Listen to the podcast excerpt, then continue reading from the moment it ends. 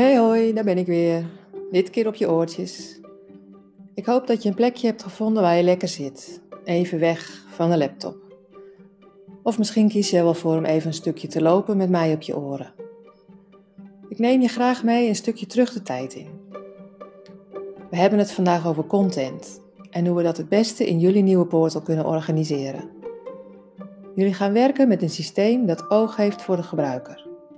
Het is zelfs gemaakt vanuit het gebruikersperspectief. Nou, dat was vroeger wel anders.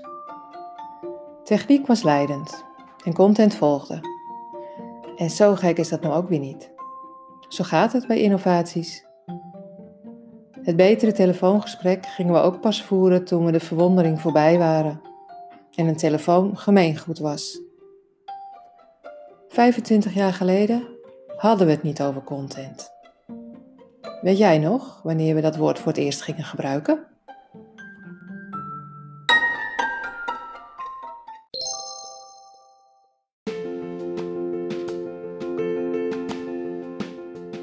Het gebladeren in een gids en het zoeken in een archiefla.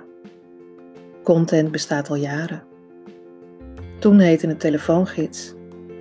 En later kwam de gouden gids. In een encyclopedie zochten we op wat we wilden weten. En als je het mij vraagt, is menig schoolwerkstuk met een winkelenprins in de hand tot stand gekomen. En daar hebben we dan trouwens nog veel plezier van gehad in onze intranetten. Informatie goed gesorteerd op alfabet. Telefoongids, gouden gids, winkelenprins. Content is het. En content is nog wel wat ouder dan dat. Het bestaat sinds we kunnen schrijven. Sinds we kunnen praten, bedenk ik nu ineens. En laten we de gebarentaal ook niet vergeten. Nou ja, we hoeven heus Adam en Eva er niet bij te halen. Maar als je er wat dieper over nadenkt, is content gewoon zo oud als het bestaan zelf.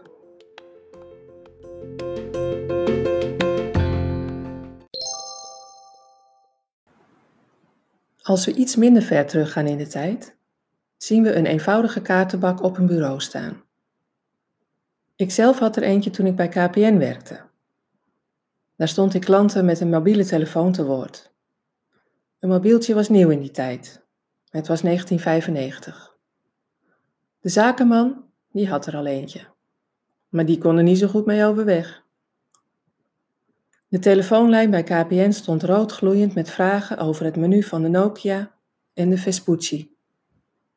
Al zeiden sommige klanten daar Vespucci tegen, en dacht ik dan, heeft KPN alweer een nieuw toestel op de markt gebracht?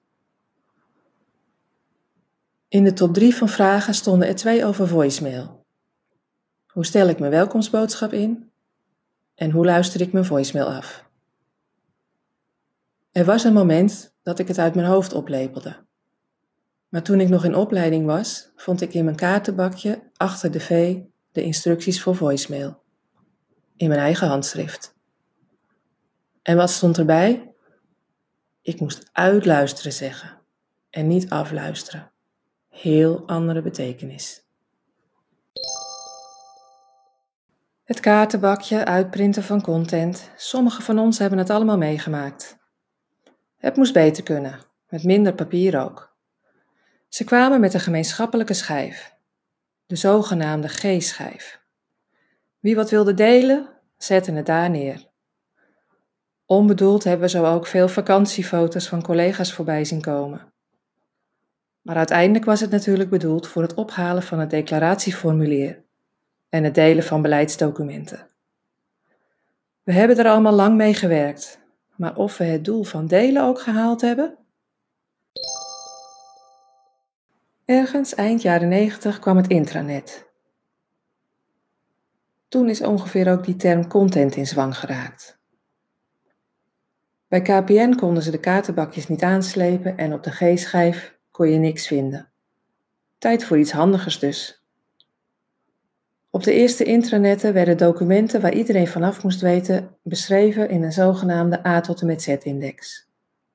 Vaak nog opgedeeld naar doelgroep. In het hoger onderwijs bijvoorbeeld vond je zo een tak voor medewerkers en eentje voor studenten. Voortgezet onderwijs had voor de leerlingen toen nog het briefje mee naar huis. Hoe die intranetten werden aangepakt, dat hing erg af van de schrijver die erop was gezet. Was dat een echte copywriter, dan werd de content opgedeeld in korte leesbare stukken, gescheiden door goede koppen.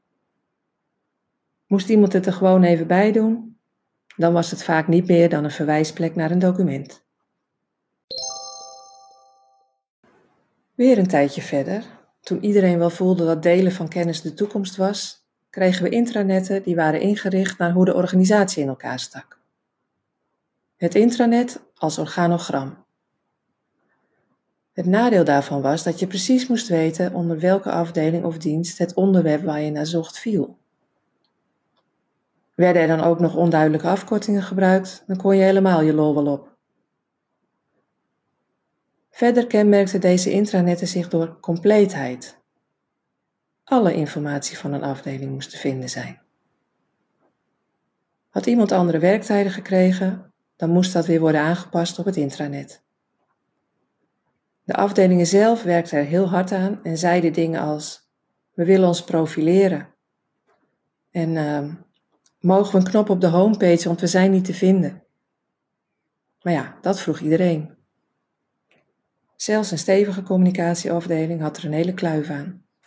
Hoe leg je iemand uit dat je tussen alle anderen die zich willen profileren ook niet meer opvalt? Daar komen we dus vandaan.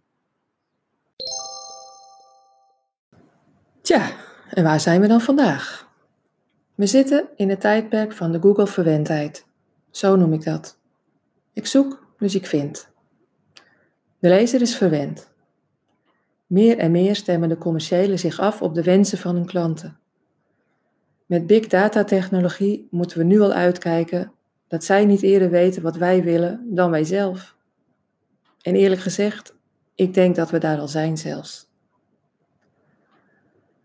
Daarbij, alles is vindbaar.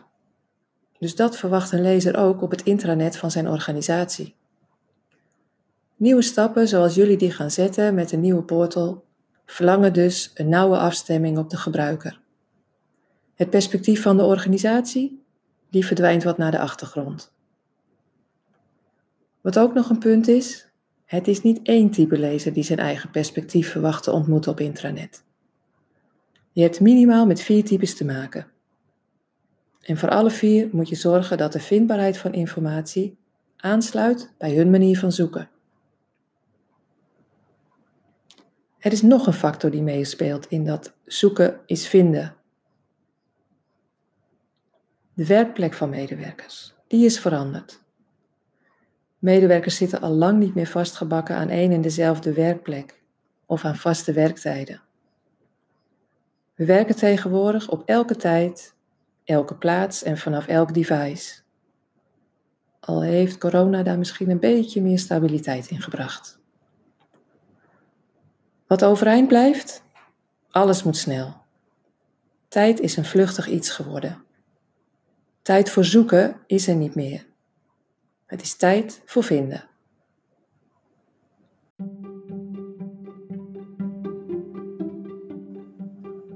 Om het vinden te bevorderen heb je goede content nodig.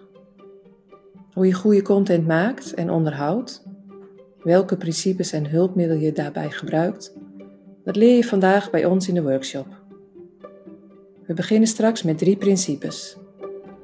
De eerste heb ik je net verteld in deze podcast. De gebruiker staat centraal. Benieuwd naar die andere twee? Zorg dat je op tijd weer achter je laptop zit. Tot zo!